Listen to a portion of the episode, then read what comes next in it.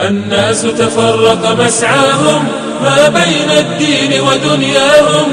برز التاريخ بألوان لعقائد سارت ترعاهم. لعقائد سارت ترعاهم. خلل نحل شتى ظهرت وطريق الجنة بغياهم. ورد الداعون مناهلها واختار الناس مشاردهم الناس تفرق مسعاهم ما بين الدين ودنياهم. برز التاريخ بألوان لعقائد سارت ترعاهم. لعقائد سارت ترعاهم.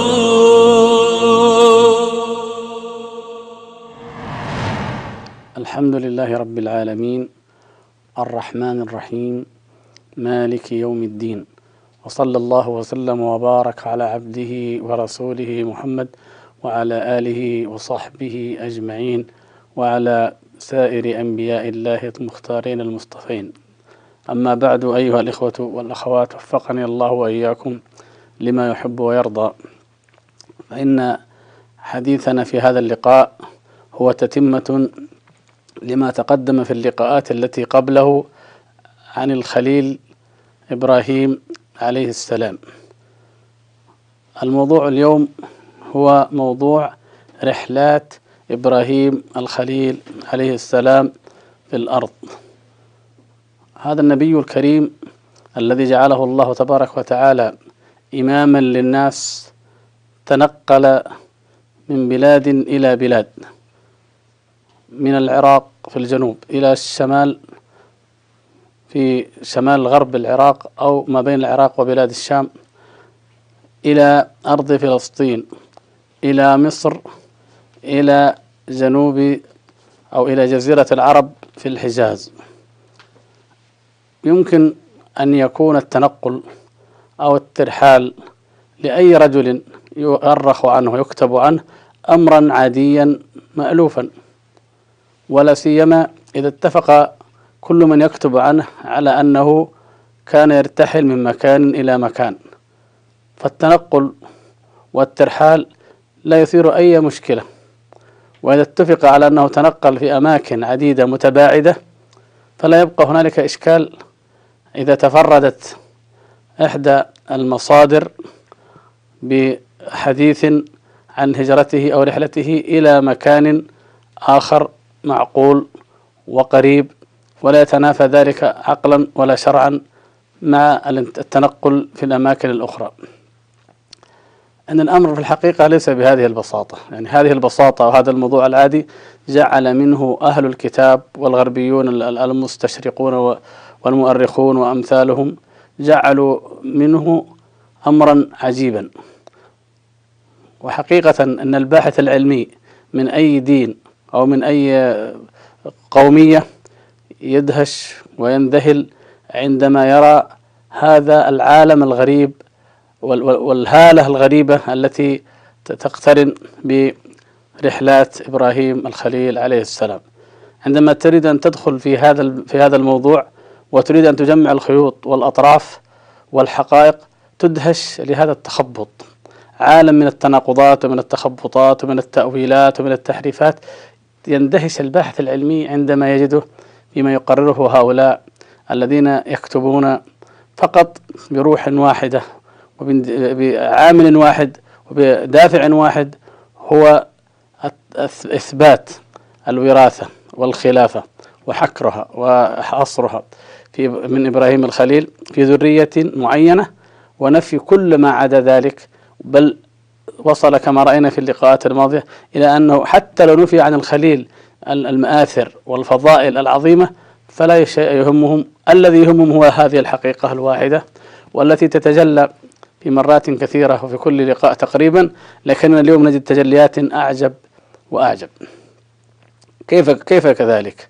نحن نجد أن التوراة ومن جاء من الشراح لها يشرحوا ليشرحوا أو ليفصلوا الأماكن المذكورة فيها على الطبيعة نجد أن هناك فرقا عظيما وتباينا بين انتقال إبراهيم عليه السلام من الجنوب من أور أور الكلدان. نحن يعني نشير هنا فقط أن المصادر الإسلامية والعربية تقول أنها كوثة أو ما أشبه ذلك في جنوب العراق. لا يهم الاسم لكن هم يقولون أنه في جنوب العراق باتفاق. ثم الانتقال إلى حران وبعد الانتقال إلى حران نحن نجد بعد ذلك الانتقال إلى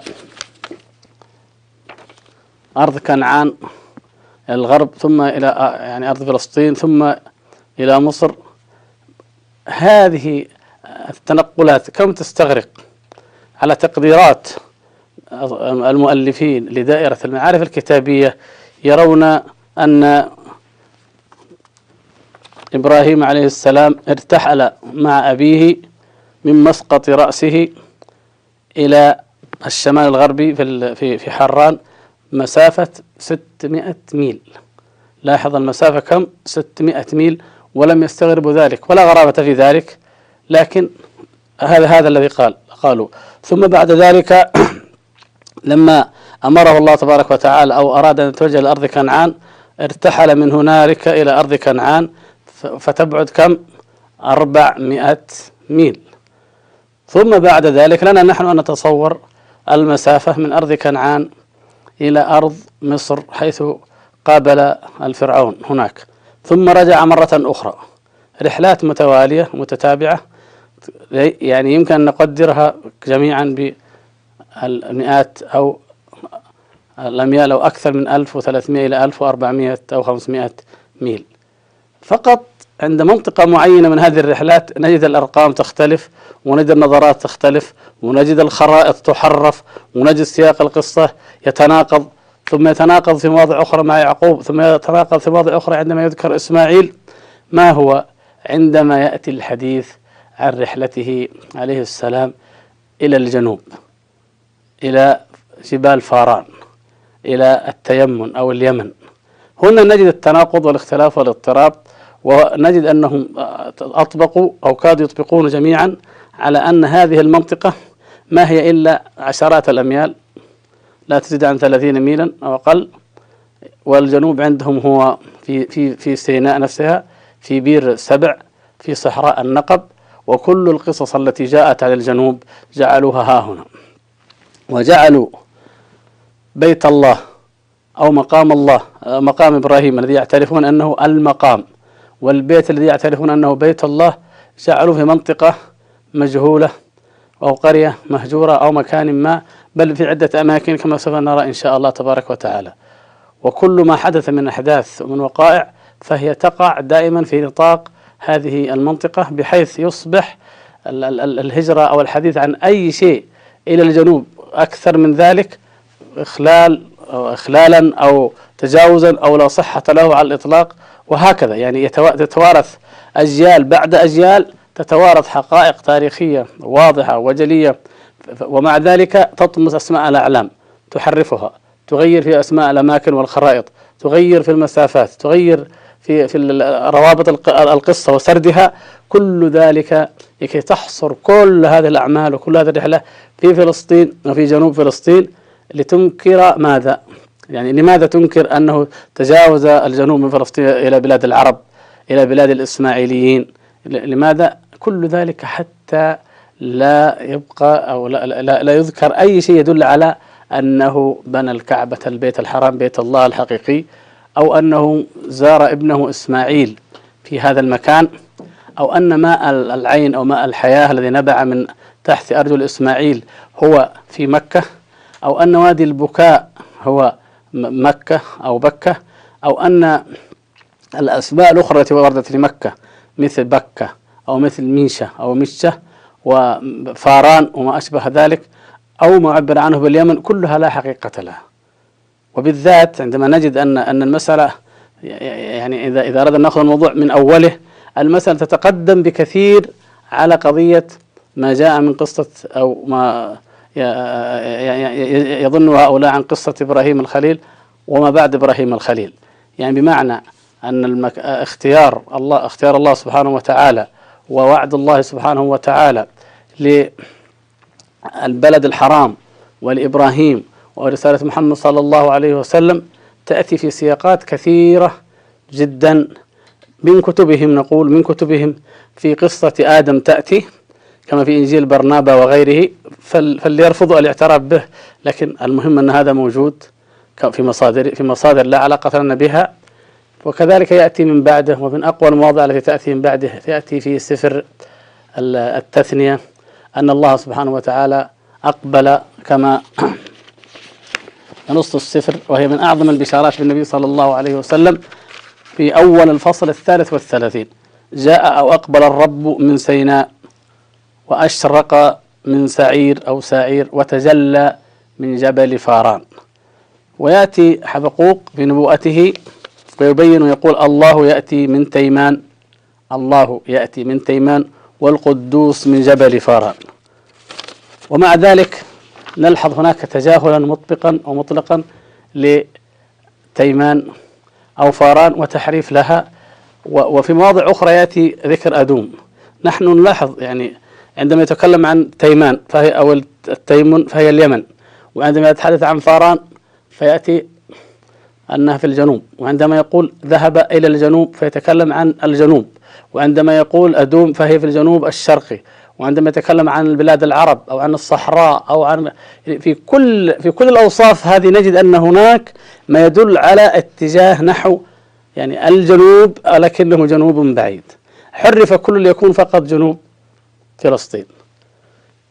يعني مثلا عندما نجد أن الأدوم مثلا حتى في المصادر الأجنبية نحن نجد أن أدوم هكذا ترسم ف يعني تكون بلاد أدوم إلى الجنوب الشرقي وهناك نجد صحراء العرب خلفها مباشرة. لكن عندما يأتي الحديث مثلا في قصة سليمان عليه السلام عن ملكة اليمن أو ملكة التيمن فأن كأن الكتاب الذين حرفوا هذا وبدلوا كأنهم نسوا أنفسهم يتكلمون أنها ملكة سبأ وأنها جاءت من اليمن. لا اختلاف ولا تعارض بين أن يقال إنها ملكة اليمن أو ملكة الجنوب أو ملكة سبأ لأن الجميع يقع في الجنوب. يعني بمعنى آخر كلمة الجنوب إذا جردناها من الإشكالات التي وضعها فيها أولى ونظرنا إليها نظرة مطلقة كلمة الجنوب ممكن أن تطلق على الجنوب القريب وعلى الجنوب البعيد. يعني فمثلا نقول إذا إذا أردنا نتكلم مثلا عن تركيا عن القسطنطينية فأين تقع منها دمشق؟ نقول في الجنوب. أين تقع منها عمان؟ في الجنوب. أين تقع منها مكة؟ مثلا في الجنوب. ولو أن قرية أو مدينة تبعد عنها جنوبها عشرة أميال أو عشرين ميلا لقلنا أيضا تقع إلى الجنوب من آه، إسطنبول أو من دمشق أو من بغداد وهكذا. الجنوب إذن جهة يعني هو جهة وإذا جاء اليمن حدد هذه الجهة وأن التيمن أو التيمن أو اليمن يحدد الجهة بأنها جهة بعيدة. فلا يمكن أن يقال أن آه، ذكر أو اليمن تنتقل بذاتها إلى بئر السبع أو إلى النقب. بل الحقيقة نشاهد تحريفا في نفس الكلمات أو إضافة. فمثلا نجد في بعض الترجمات العهد الكتاب المقدس نجد مثلا كما في هذه الترجمة المشهورة المتداولة كثيرا وهي لجنة من مختلف الطوائف المسيحية وطبعت 1993 كما في مقدمتها.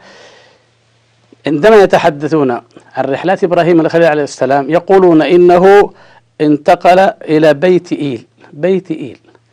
ولن الآن نبين معناها وهناك نصب خيمته وهناك بنى مذبحا للرب ثم أخذ يرتحل جنوبا نحو صحراء النقب. لاحظوا كلمة نحو صحراء النقب؟ هذه ليست موجودة في الترجمات الأخرى. الذي في الترجمات الأخرى وأخذ يرتحل جنوبا ارتحالا متواليا ارتحالا متواليا نحو الجنوب. بمعنى أنه يعني إلى مدين إلى أدوم أولا ثم إلى مدين يعني الجنوب الشرقي كما رأينا في الخارطة ثم بعد ذلك إلى الحجاز. ارتحالا متواليا أضيفت نحو النقب أو صحراء النقب لكي تصرف المعنى كلية. فالمعنى انصرف إذا من أن معنى الجنوب تغير ومعنى بيت إيل تغير. لاحظ لو حذفنا هذه الإضافة التي أضيفت إلى هذه الترجمات وظللنا نقول إن إبراهيم عليه السلام ذهب إلى بيت الله. أراه الله سبحانه وتعالى مكان المذبح وذهب إلى مكان بيت الله. وهذا المكان كما سنجد إن شاء الله في مواضع أخرى هو المقام. يقولون أنه هو المكان في قصة يعقوب المقام مقام إبراهيم. وهنالك بنى مذبحا أو ذبح للرب تبارك وتعالى ثم نجد أن هذا هو في الجنوب فأين يكون؟ إذن ذلك يكون بدون أي شك وبدون أي تردد في مكة المشرفة. يعني كما جاء في المصادر لا نقول المصادر الإسلامية بل نقول في التاريخ المتواتر لدى العرب جيلا بعد جيل وأمة بعد أمة أن هذه البلدة الطاهرة المحرمة مكة المشرفة بناها أو بنيت على ماء زمزم وبنى الكعبة إبراهيم وإسماعيل عليهما السلام بإجماع العرب. ولا يوجد مدينة تذكر وتعظم وتقدر عند العرب مثل هذه المدينة ويحفظ تاريخها مثل ما حفظ تاريخ هذه المدينة. إجماع مطبق. يعني مثل مثل ما نجد الآن أنه يعني البلد أي مدينة أي حادثة تاريخية تعلن بالتواتر القطعي بين الأمم ما يستطيع أحد أن ينكرها أو يجادل فيها. فهذا هو الشيء المقطوع به. حورته كلمة واحدة. النقب حورته إلى أن يضطروا إلى تحريف بيت إيل ويقولون أين بيت إيل؟ مدينة مجهولة أو بيت إيل قرية في آه، شكيم أو قريب من نابلس. الواقع أن أي ناظر إلى اللغة العربية القديمة أو ما يسمى اللغات السامية يجد أن إيل بدون أي اختلاف بينهم أن إيل هي معناها الله تبارك وتعالى. وظل ذلك في أسماء الملائكة والأنبياء جبرائيل وميكائيل إسماعيل وإسرائيل. يعني الله سبحانه وتعالى يطلق عليه في اللغة القديمة إل أو إله أو إل حسب أن أو إله أو إلوه حسب يعني كلها تدور حول هذا الاشتقاق على على اختلاف اللهجات من آرامية أو عبرية أو كلدانية أو اللغة العربية القديمة أو الحديثة بل حتى في الحديثة. وكما جاء عن الصديق أبي بكر رضي الله تعالى عنه إن هذا الكلام ما خرج من إل يعني ما قيل أو نقل من القرآن مسيلمة الكذاب. فإذا بيت إيل التي في الجنوب والتي أقام إبراهيم الخليل عندها المذبح والتي هي مقام إبراهيم كما في قصة يعقوب ما ينبغي أن يكون هناك أي إشكال. ما الإشكال فيها؟ إن هناك قضية مهمة جدا كما ذكر الأستاذ العقاد. وهذه من العبارات التي يعني يقولها وهو كما نعلم العقاد لا يمكن أن يتهم آه، بأنه متحيز للإسلام أو للعرب بمعنى أنه غير موضوعي في أبحاثه على الإطلاق. أقل المصادر نصيبا من البحث في كتاب في كتاب العقاد وهي المصادر الإسلامية. والأخطاء التي ارتكبها يعني لا مجال للتنبيه عليها لكن لقلة اطلاعه ويعني تأمل أو تدقيقه في القضايا الدينية العقدية الإسلامية. أما فيما يتعلق بالكتابات الكتابية أو التاريخية الأخرى فقد توسع وأفاض فيها. ما الذي يقوله الأستاذ العقاد في هذا المقام؟ يقول العنوان الذي جعل الجنوب عندما ذكر الرحلات الخليل عليه السلام عندما قال الجنوب العنوان الجنوب قال انفردت المصادر الإسلامية بأخبار إبراهيم في الحجاز. طبعا نحن نقول انفردت ونقول حرف ما في الكتب الأخرى عن رحلته عليه السلام إلى الحجاز.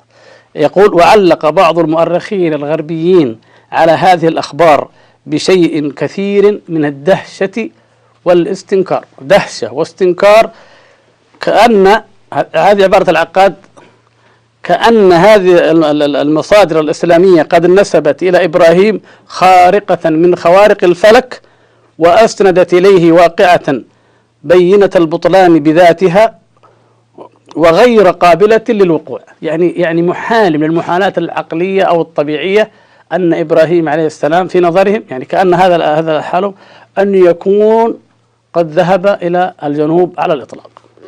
لماذا يقول وواضح من نقدهم أو من أسلوب نقدهم أنهم يكتبون لإثبات دين وإنكار دين ولا يفتحون عقولهم للحقيقة حيث تكون. يعني لا يهم الحقيقة حيث تكون. يكتبون لإثبات دين وإنكار دين. بل نقول يثبتون يكتبون لإثبات أن الحق كله في كتاب ما في موضع ما ويحرفون كل ما ورد فيه لإبطال كتاب آخر من كتب الله تبارك وتعالى. هذا الكتابان العظيمان التوراة والقرآن التي اللذان اقترنا في مواضع كثيرة من كتاب الله تبارك وتعالى لأن الإنجيل هو تابع أو فرع عن التوراة. هذان الكتابان اللذان يتطابقان في أمور كثيرة جدا ما لم ما لم يحرف من التوراة.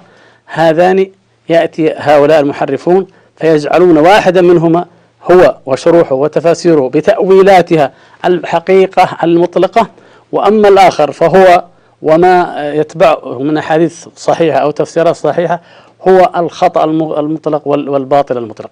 فلا لا مجال لديهم لمجرد افتراض أمر عادي جدا من عاديات البشر وهو أن إبراهيم الخليل عليه السلام قد جاء وقد توجه إلى هذا البلد الحرام بعد أن أسكن إسماعيل عليه السلام بأمر الله تبارك وتعالى. ومن ثم نجد القصة ممسوخة مشوهة لكن البقايا التي فيها كافية لإثبات الحقيقة. فلنقرأ القصة كما جاءت في الكتاب المقدس عندهم ونستطيع بإذن الله تبارك وتعالى أن نقارن وأن نتأمل مقدار التحريف والبعد عن الحقيقة. في التكوين في الباب الحادي والعشرين يقول الكتاب ورأت سارة ابن هاجر المصرية الذي هو إسماعيل وكان قد ولد ولم يولد لسارة حتى الآن أنه يلعب مع ابنها إسحاق. لا عفوا هنا جاء إسحاق لكن لم يكن قد كبر نعم. أنه يلعب يمزح قصة لا تهمة يعني المهم أنها رأت آه، إسماعيل وإسحاق فغارت أخذتها الغيرة الشديدة ممن كما يزعمون يعني فقالت لإبراهيم اطرد اطرد هذه الجارية وابنها. فابن هذه الجارية لا يرث مع ابن إسحاق. يعني كل ما في دماغهم كل ما في فكرهم كل ما في همهم الإرث والميراث والوعد والميعاد. يعني ليست القضية عندهم أن يعني نبيا كريما ولد له نبيان كريمان غلام عليم وغلام حليم ولا ينظرون إلى شيء من هذا. القضية عندهم الإرث والميراث وأنه طرده. إبراهيم تألم من هذا الكلام و يعني تعجب ولكن أوحى إليه الله حتى يذهب عنها الألم والتألم. أوحى الله تبارك وتعالى إليه وقال لا يسوءك هذا الكلام يا يعني يا إبراهيم. اسمع لكل ما تقوله لك سارة واذهب بابنك حيث ما تقول يعني يعني يعني الخليل عليه السلام رأى أنه ليس عدلا. أن يطرده وأمه لكن يقول الله وحي إلا إلا امتثل ما تقول لك. طيب. فبكر إبراهيم في الغد وأخذ خبزا وقربة ماء فأعطاهما لهاجر. ووضع الصبي على كتفها وصرفها. أعطاها ماء وخبز وصرفها. فمضت تهيم على وجهها فين؟ هنا جاءت الإضافة. في صحراء بئر سبع. لاحظ. أضاف هناك النقب أضافوها إضافة النقب وهنا أضافوا بئر سبع حتى نرجع برضو كل القصة كلها فين؟ في فلسطين. ونفد الماء من القربة فألقت هاجر الصبي تحت إحدى الأشجار ومضت فجلست قبالته على بعد رميتي قوس وهي تقول في نفسها لا أريد أن أرى الولد يموت. وأخذت يعني تنتحب وتبكي. يقول بعد ذلك الله تبارك وتعالى سمع صوت الصبي. تعالى الله يسمع دائما ويسمع كل شيء سبحانه. سمع صوت الصبي فنادى ملاك الله الملك هاجر من السماء وقال لها ما لك يا هاجر؟ لا تخافي. سمع الله صوت الصبي حيث هو قومي احملي الصبي وخذي بيده فسأجعله أمة عظيمة. وفتح الله بصيرتها فرأت بئر ماء فمضت إلى البئر وملأت القربة ماء وسقت الصبي. وكان الله مع الصبي حتى كبر فأقام بالصحراء. فين؟ بالصحراء. ولاحظنا في الخريطة اللي التي أوردها المصدر اللي هو يعني ترجمته المعين على فهم الكتاب لاحظ أنه إيش؟ أدوم وعلى جنوب أدوم اللي منطقة شرقي الأردن الصحراء. وكان راميا بالقوس. هذا جاء ثابت في الحديث. وحين أقام بصحراء فاران أو فارا زوجته أمه بامرأة من أرض مصر. آه إذا فارا والصحراء ارتبطت ببئر سبع. إذا القصة كلها هنالك. ولا يعني لا, لا يشار بأي حال أو بأي شكل من الأشكال لا إلى بناء بيت الله ولا إلى الكعبة بخلاف ما نجد في أو, أو, أو إيمان الله أو إيمان هاجر. القصة الإسلامية المقابلة لهذا نجدها في غاية السمو الإيماني العجيب. توكل إبراهيم على الله سبحانه وتعالى وثقته في الله أنه أمره أن يضع ذريته في هذا المكان المقفر الموحش فتوكل على الله سبحانه وتعالى. توكل هاجر. عندما قالت الله أمرك بهذا فقال نعم. قال إذا لن يضيعنا. توكل ويقين وإيمان. الأمر الآخر العجوبة. في بلاد العرب حيث يكون أهم شيء هو الماء يأتي ينبع من تحت رجلي هذا الطفل وإذا الماء ينبع ماء يختلف عن كل ماء على وجه الأرض. إنه ماء زمزم ماء مقدس مفضل. إنه طعام طعم وشفاء سقم. حقيقة وثابت هذا في التاريخ أنه يغني حتى عن الطعام. ولذلك هذا الطفل أكرمه الله وأكرم أمه بهذا الأمر. ثم بعد ذلك نعم أصبح راميا للقوس كما قال النبي صلى الله عليه وسلم لقوم من الأنصار من أسلم أرموا بني إسماعيل فإن أباكم كان راميا وأخذ يعني كما جاء في مواضع أخرى أنه متوحش أو أنه يصيد الوحوش أو أنه يصيد الطيور. عيش هو امرأته على هذا. ثم تأتي القصة إن شاء الله نفصلها في في فيما بعد ذلك يعني عند الحديث عن بناء البيت. المقصود الآن هو أن نجد يعني حقيقة يعني الوقفة التي ينبغي أن نتأملها ما دمنا هنا هي حول آه، كيف تنتكس العقول البشرية أمر محزن مؤلم أن أن يطبق عدد كبير جدا من الأحبار من الكتبة من المؤرخين فيما بعدهم على إنكار حقيقة مصادمة لحقائق في كتاب الله تبارك وتعالى والمتواتر من التاريخ البشري كله كل ذلك من أجل آه، إقصاء أو إبعاد أمة عظيمة شعب عظيم عن أي مكرمة وعن أي فضيلة يحاولون بقدر الإمكان ومع ذلك ما بقي من في كتبهم كاف لأن يكون كما جاء أمة عظيمة جدا جدا واثنى عشر رئيسا يلد وأنه يكون ويسمون عرب ويسمون إسماعيليين وأنه يكون لهم شأن عظيم. يعني كلاهما أبناء الخليل عليه السلام. لماذا هذا الابن يعامل هذه المعاملة؟ يعني الزائدة وينسب إليه كل فضل.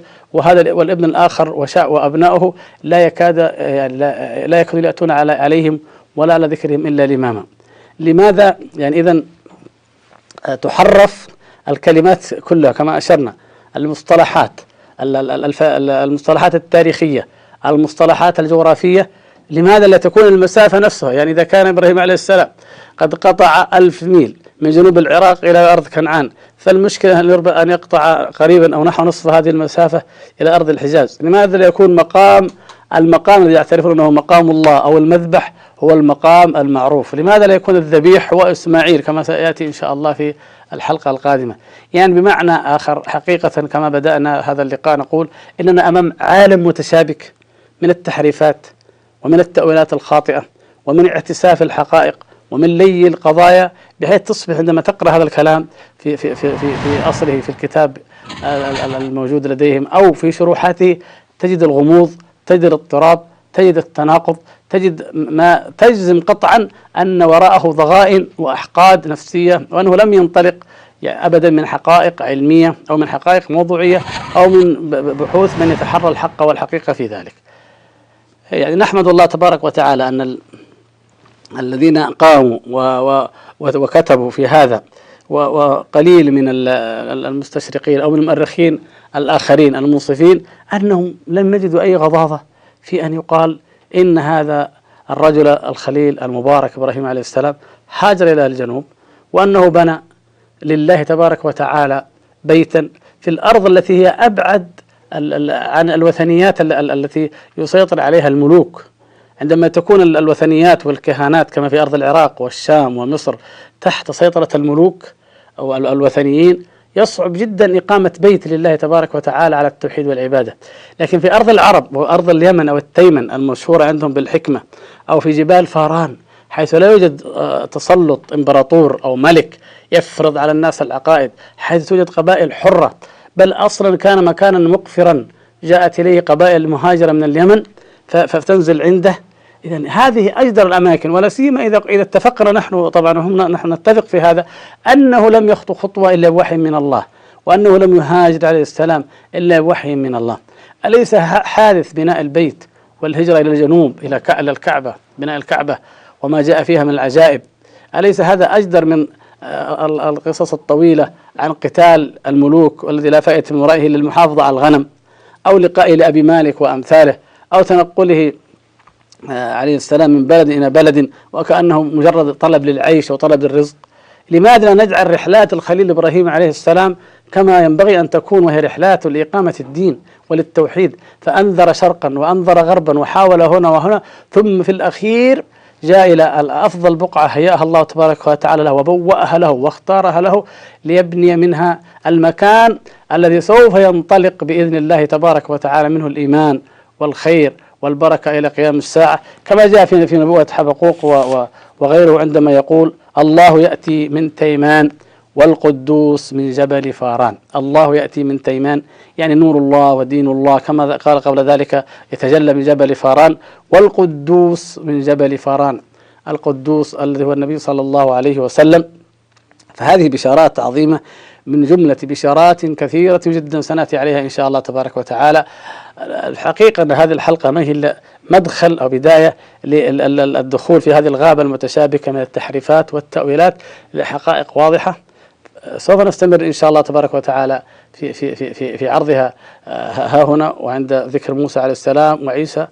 بما يعني بمعنى أن أننا سنرى في كل مرة أن هذا التحريف وهذا التأويل ومحاولة الإقصاء والتهميش ما أمكن للعرب للإسلام لنبي الإسلام لنبي آخر الزمان أنها محاولة متعمدة مقصودة وأن أي إنسان ينظر نظرة متجردة موضوعية تاريخية فإنه لابد أن يؤمن حقا بما للخليل من مكانه. صلوات الله وسلامه عليه.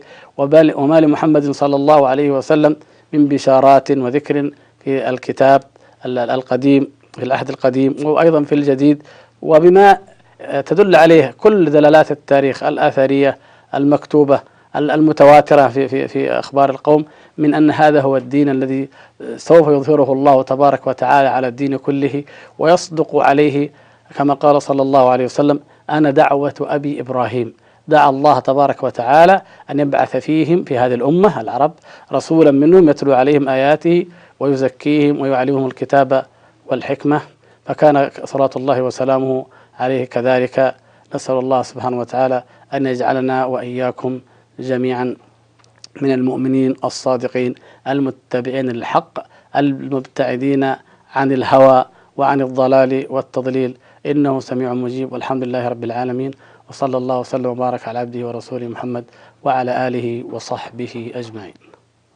الناس تفرق مسعاهم ما بين الدين ودنياهم. برز التاريخ بألوان لعقائد سارت ترعاهم لعقائد سارت ترعاهم خلل نحل شتى ظهرت وطريق الجنة بغياهم ورد الداعون مناهلها واختار الناس مشاردهم الناس تفرق مسعاهم ما بين الدين ودنياهم. ولف التاريخ بألوان لعقائد سارت ترعاهم. لعقائد سارت ترعاهم.